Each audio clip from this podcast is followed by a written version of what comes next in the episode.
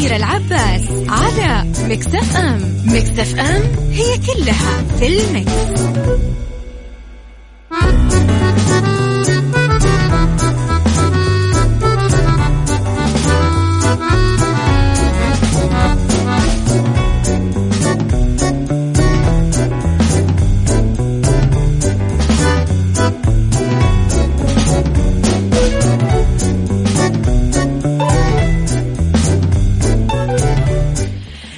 تحياتي لكم وصباح الخير ويسعد صباحكم وين ما كنتم.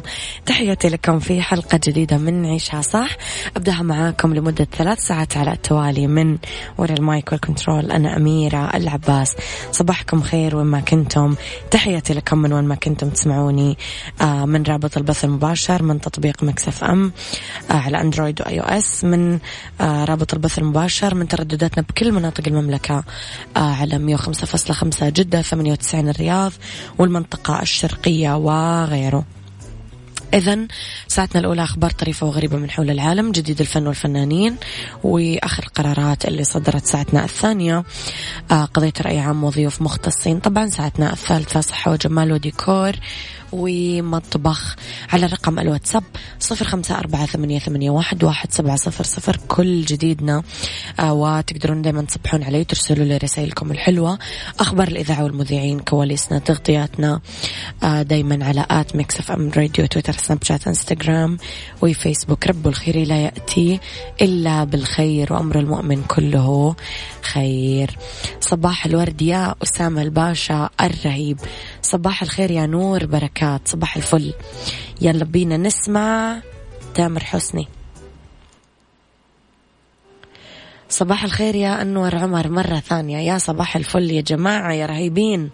عيشها صح مع أميرة العباس على مكتف أم. مكتف أم هي كلها في المكس.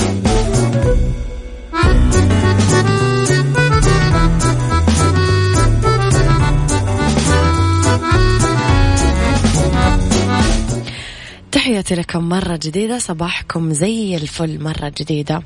كشفت وزارة العدل عن إصدار أكثر من 4000 ونص سوري أربع ملايين ونص وكالة إلكترونية بمعدل آه خمسة آلاف وسبعمية وأربعة وخمسين وكالة باليوم الواحد طول أيام الأسبوع وذلك منذ تدشين الخدمة قبل سنتين. أوضحت الوزارة أن التحول الرقمي للتوثيق أنهى التعاملات الورقية مع إطلاق العديد من الخدمات أهمها إصدار الوكالة الإلكترونية اللي ما راح يكون معها المستفيد مضطر لزيارة كتابات العدل. طبعا بينت أنه يمكن إصدار الوكالات الإلكترونية من خلال بوابة ناجز آه، دوت إس اي للمستفيدين اللي سبق لهم أن أصدروا وكالات. أشارت العدل إلى أنه خطوات إصدار الوكالة عبر ناجز تتمثل في تسجيل الدخول عبر النفاذ الموحد.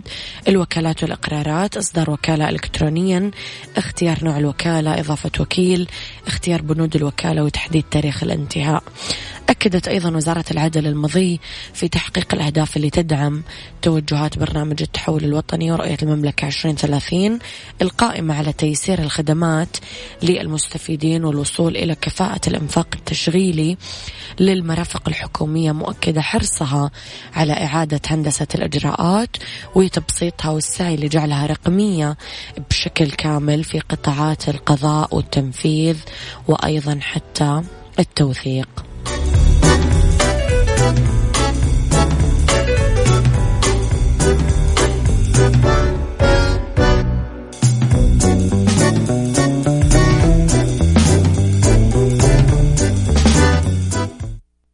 عيشها صح مع أميرة العباس على مكتف أم مكتف أم هي كلها في المكس.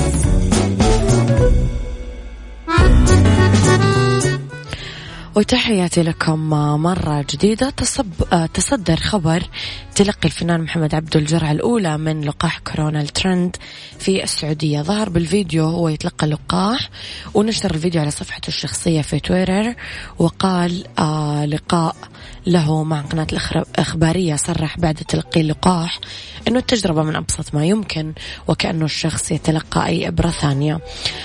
قام فنان العرب بتوجيه رسالة للمجتمع بالقول الرسالة التي أريد أن أبعثها للأحباب والجمهور والشعب السعودي كما أرسل الله سبحانه وتعالى آه كما وضع الداء جاء بالدواء لنغتنم هذه الفرصة بأن الله سهل لنا هذا الدواء فلنأخذه ونتوكل على الله. أضاف أن الحكومة السعودية وعلى رأسها خادم الحرمين الشريفين وولي العهد محمد بن سلمان ما قصروا بحرصهم على التعامل مع هذه الجائحة بوعي كبير جدا بحيث أصبحت السعودية الأقل تأذيا من هذا الداء لذا لا داعي للخوف من هذا اللقاح لأنه بسيط جدا ودعا إلى عدم الانجرار وراء الشائعات اللي تحاك حول طبعا هذا اللقاح. يوعد أهل الشائعات يعني صراحة. لو الظروف حتسخف سقف. بس اوعى توقف. يلا. عيشها صح مع أميرة العباس على مكتف أم. مكتف أم هي كلها في المكس.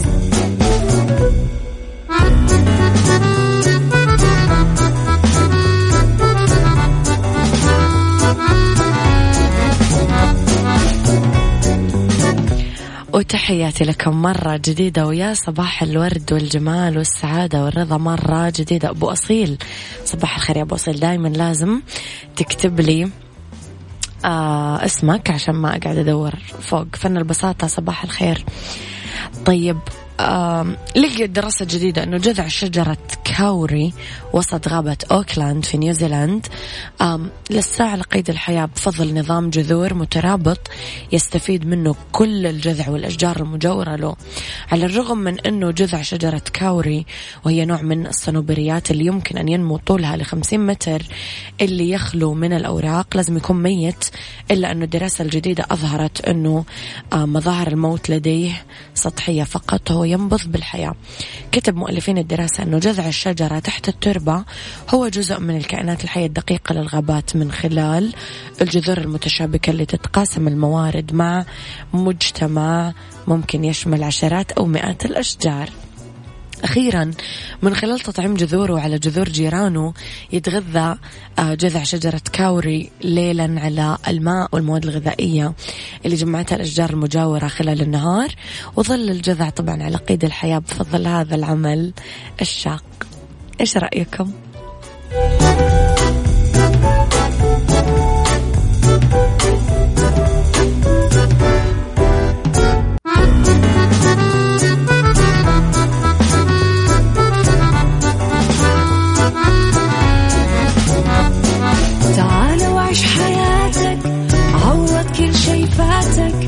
عيش أجمل حياة بأسلوب جديد.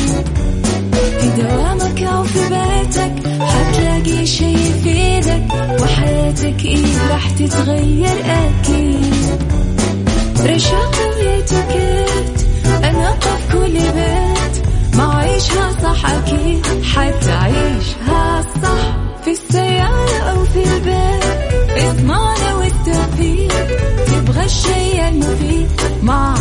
عيشها صح الآن عيشها صح مع أميرة العباس على مكتف أم مكتف أم هي كلها في المكس.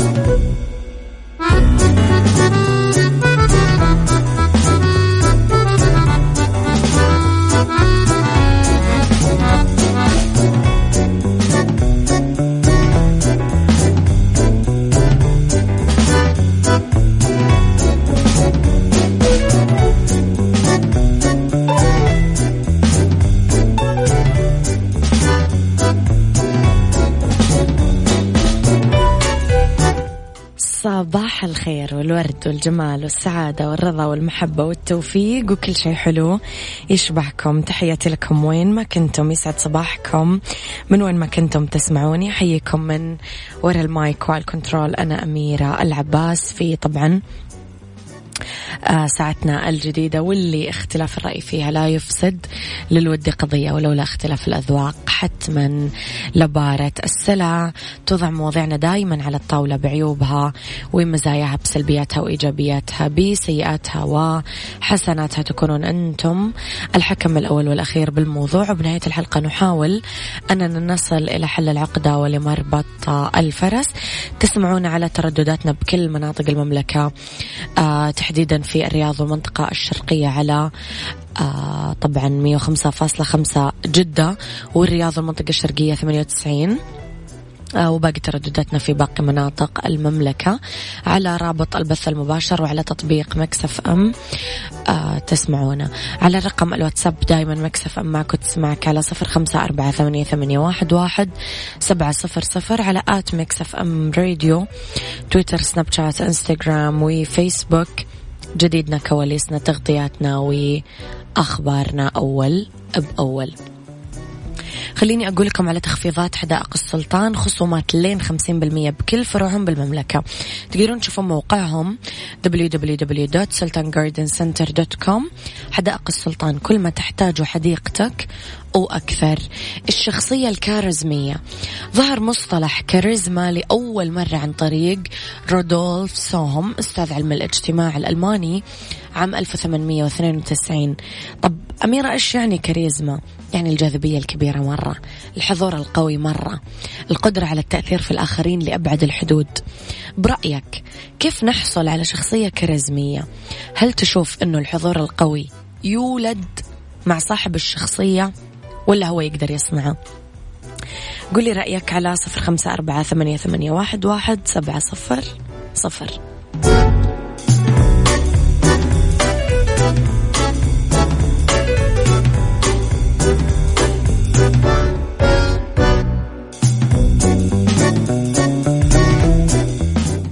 عيشها صح مع أميرة العباس على مكتف أم مكتف أم هي كلها في المكس.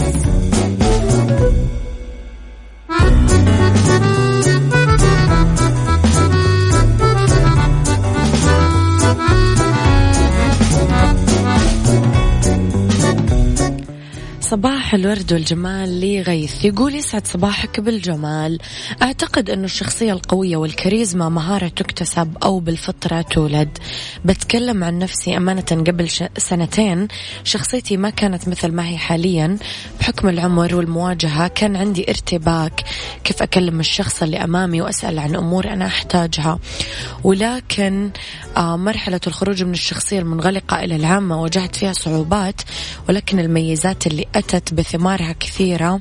الحمد لله وتحياتي لك.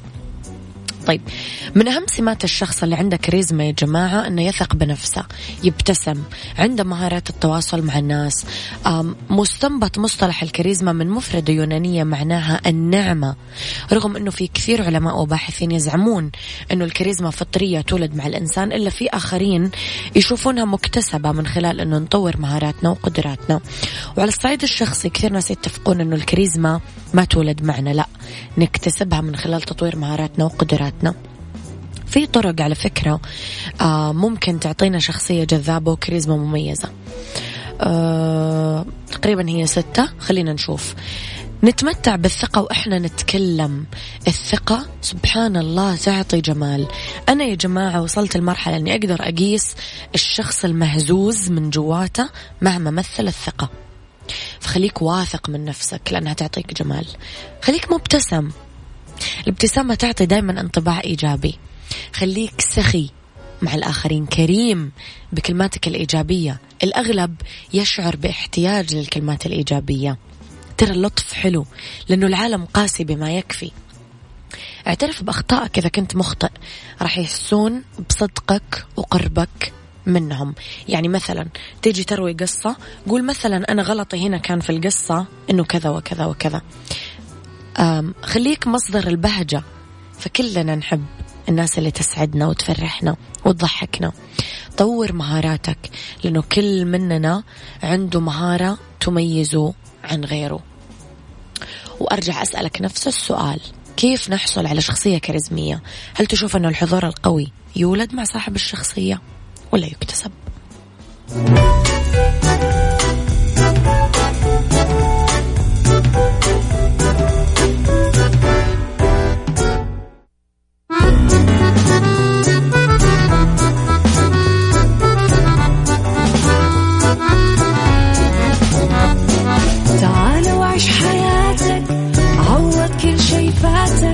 عيش أجمل حياة بأسلوب جديد.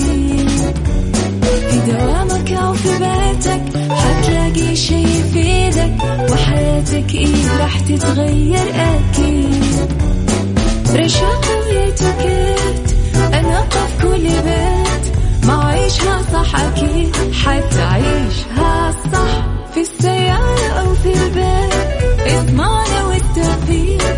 تبغى الشي المفيد ما عيشها صح.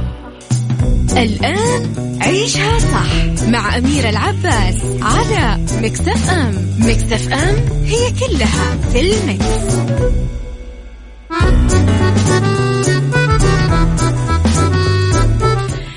يا مساء الخير والجمال والسعادة والرضا والمحبة والتوفيق وكل شيء حلو يشبهكم.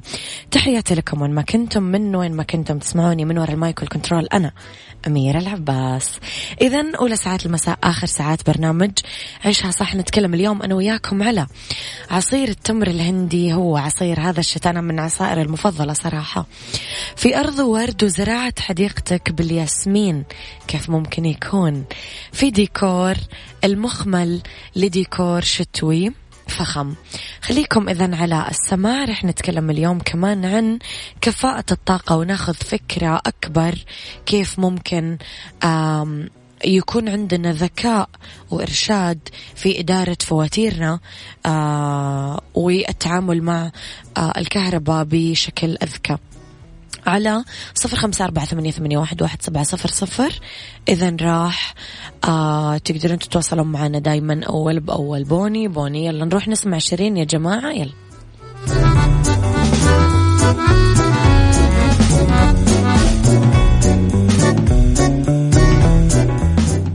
بالدنيا صحتك مع أمير العباس في عيشها صح على ميكس أف أم. ميكس أف أم it's all in the mix.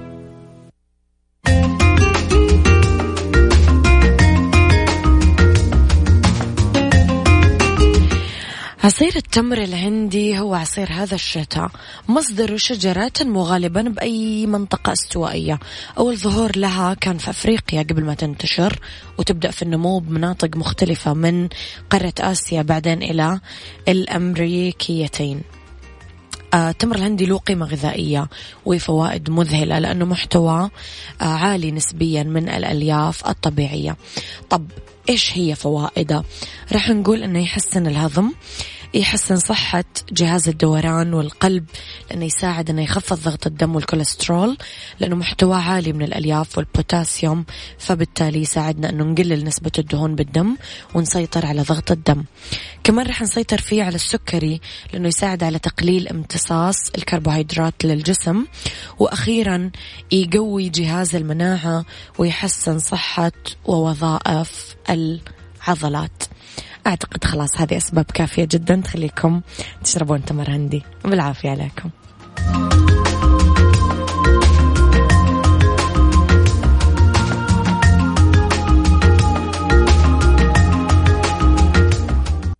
عيشها صح مع أميرة العباس على مكتف أم. مكتف أم هي كلها في المكس.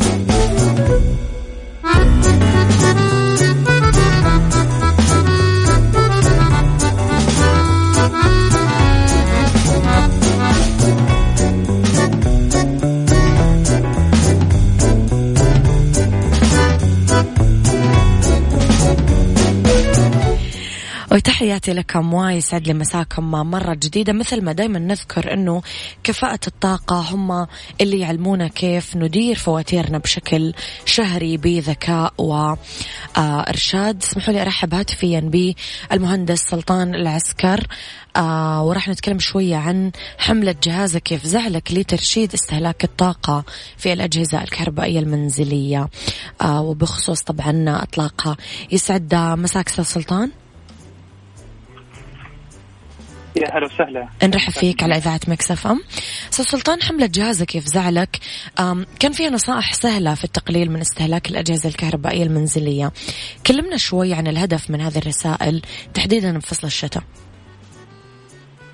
طبعا آه، حملة جهازك كيف زعلك هي من الحملات التوعوية وهي أصلا مكملة للحملات السابقة. نعم. طبعا الهدف الأساسي منها اللي هو رفع الوعي لدى المواطنين والمقيمين في المملكة العربية السعودية بأهمية الترشيد وسلوكياته طبعا الفائدة الكبرى منها اللي هو الحد من هدر الطاقة في المملكة العربية السعودية.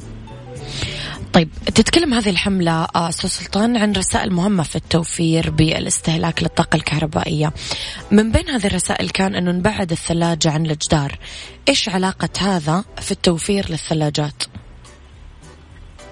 آه، طبعا الأجهزة أجهزة التبريد بشكل عام الأفضل أنك تعطيها مساحة كافية للتبريد غير كذا للحرارة المنبعثه منها. الثلاجات بشكل خاص لما يكون فيها حاجز قريب من الثلاجة هذا الشيء يسبب لي ضغط على الكمبريسر والمروحة الموجودة في الثلاجة لما تكون في مساحة كافية للتبريد أو إطلاق الحرارة. طبعا لما يكون في ضغط على هذا الشيء راح تعمل الكمبريسر عندي والمروحة. بشكل كبير جدا وهذا الشيء راح يسبب استهلاك للطاقة. فالأفضل وحسب الممارسات الدولية أصلا أنه يكون الثلاجه تبعد عن أقرب حاجز لها من 10 إلى 15 سم تقريبا، هذا الشيء راح يساعد أنه يكون في مساحة كافية للتبريد ولا يكون فيه ضغط على الكمبريسر أو المروحة، فراح يوفر لي في استهلاك الطاقة. ويمكن أستاذ سلطان حتى الثلاجة تعيش لفترة أطول ولا؟ إي نعم هذا نعم. الشيء برضه يزيد من عمر الثلاجة بشكل عام نعم طب آه، ضبط الثرموستات اللي في الثلاجة على النص هل يوفر في استهلاك الثلاجة ولو أيوه كيف يكون هذا الموضوع؟ اي نعم يوفر. طبعا إن عندنا العاده المنتشره في كل مكان انه خلاص شريت ثلاجه عل عليها على درجة بروده عشان خلاص إنها تبرد عند المنتجات الموجودة في الثلاجة. وهذه أصلا تعتبر من العادات السلبية. لأن لما نعلي على درجة البرودة هذه معناته إن الكمبيوتر راح يعمل عندي بشكل أكبر عشان تكون درجة الحرارة الموجودة داخل الثلاجة أقل درجة مطلوبة. وهذا الشيء راح يستهلك لي طاقة كبيرة جدا. فالأفضل أن نضبطها على الدرجة المتوسطة. هذه الدرجة أصلا راح تساعد لي في الحفاظ على الأطعمة الموجودة داخل الثلاجة. غير كذا ما راح يكون فيه استهلاك للطاقة. طيب ظاهرة الهدر والإسراف آه أنه البعض ممكن يترك الثلاجة لما يسافر لفترة طويلة. هل هذه الظاهرة متكررة عندكم أستاذ سلطان؟ وإيش مدى الاستهلاك فيها؟ نعم هذه من الظواهر اللي يعني اللي تستهلك عندنا طاقة بشكل كبير جدا وتعتبر عادة سلبية وفيها هدر الطاقة بدون مبرر. انك تترك الثلاجة تعمل لفترات طويلة لما يكون في غياب طويل عن المنزل أو في حالات السفر. فالأفضل أنه لما يكون في سفر لمدات طويلة يطفي الثلاجة, الثلاجة. إيه، أنه يفرغ الثلاجة ويطفيها ويدخل عن الكهرباء عشان ما يكون فيها استهلاك ويحافظ على اللي هو الطاقة. طيب الصيانة الدورية للثلاجة آه، أستاذ سلطان هل له أثر في التوفير وكيف؟ أكيد أكيد. الأجهزة الكهربائية أصلا بشكل عام آه طبقنا عليها اللي هو الصيانة الدورية. هذا شيء حافظ لي على كفاءة المنتج نفسه وغير كذا يوفر لي في الاستهلاك. الثلاجة بشكل خاص الموجود فيه اللي هو من أهم الأشياء اللي تعملها صيانة اللي هو الربر الموجود على الباب الثلاجة. طبعا هذا الربر أصلا يساعد إنه يحافظ لي على درجة البروده الموجودة داخل الثلاجة. فلما يعني يصير فيه مشكلة في الربر من كثرة الاستخدام مثلا ممكن يكون فيه بعض الفتحات أو يتلف عندي الربر آه هذا الشيء راح يخلي البروده الموجوده داخل الثلاجة تتسرب إلى الخارج. معناته أن الكمبريسر راح يعمل بشكل متواصل عشان يوفر لي برودة عالية داخل الثلاجة. مم. طبعا في الأفضل لما نسوي صيانة ونكتشف ان في بعض الخلل ونصين هذا الشيء راح يحافظ لي على أن البرودة تكون موجودة داخل ما تتسرب إلى الخارج. غير كذا الكمبريسر ما راح يعمل عندي بشكل كبير. وبالتالي راح يوفر لي اللي هو استهلاك الطاقة. نعم. أه، في في الجزئية الأخيرة من حلقتنا أستاذ سلطان هل في أي نصائح أخرى راح تساعدنا في التقليل من استهلاك الثلاجات بالبيت؟ النصيحة الأولى دائما انه شراء المنتجات الأعلى كفاءة للطاقة، موجودة الآن المنتجات الكهربائية عليها الملصقات كفاءة الطاقة، موجودة عليها المستويات من أعلى مستوى إلى أقل مستوى، موجود عليها الاستهلاك السنوي حتى موجود في باركود. ممكن أي شخص يفتح اللي هو تطبيق تأكد آه، يسوي قراءة الباركود يتأكد أن المنتج هذا مطابق للمواصفات والمقاييس السعودية.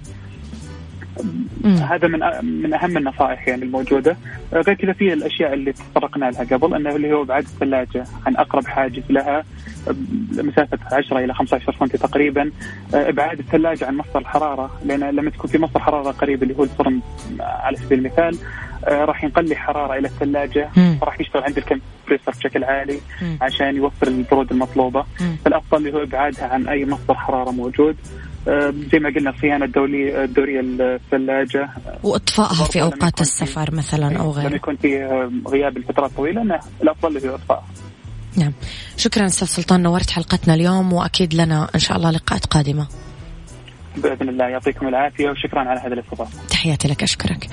اذا كان ضيفي هاتفيا أستاذ المهندس سلطان العسكر تكلمنا اليوم على آه، حملة جهازك يفزعلك لترشيد استهلاك الطاقة في الأجهزة الكهربائية المنزلية آه، وإطلاق هذه الحملة.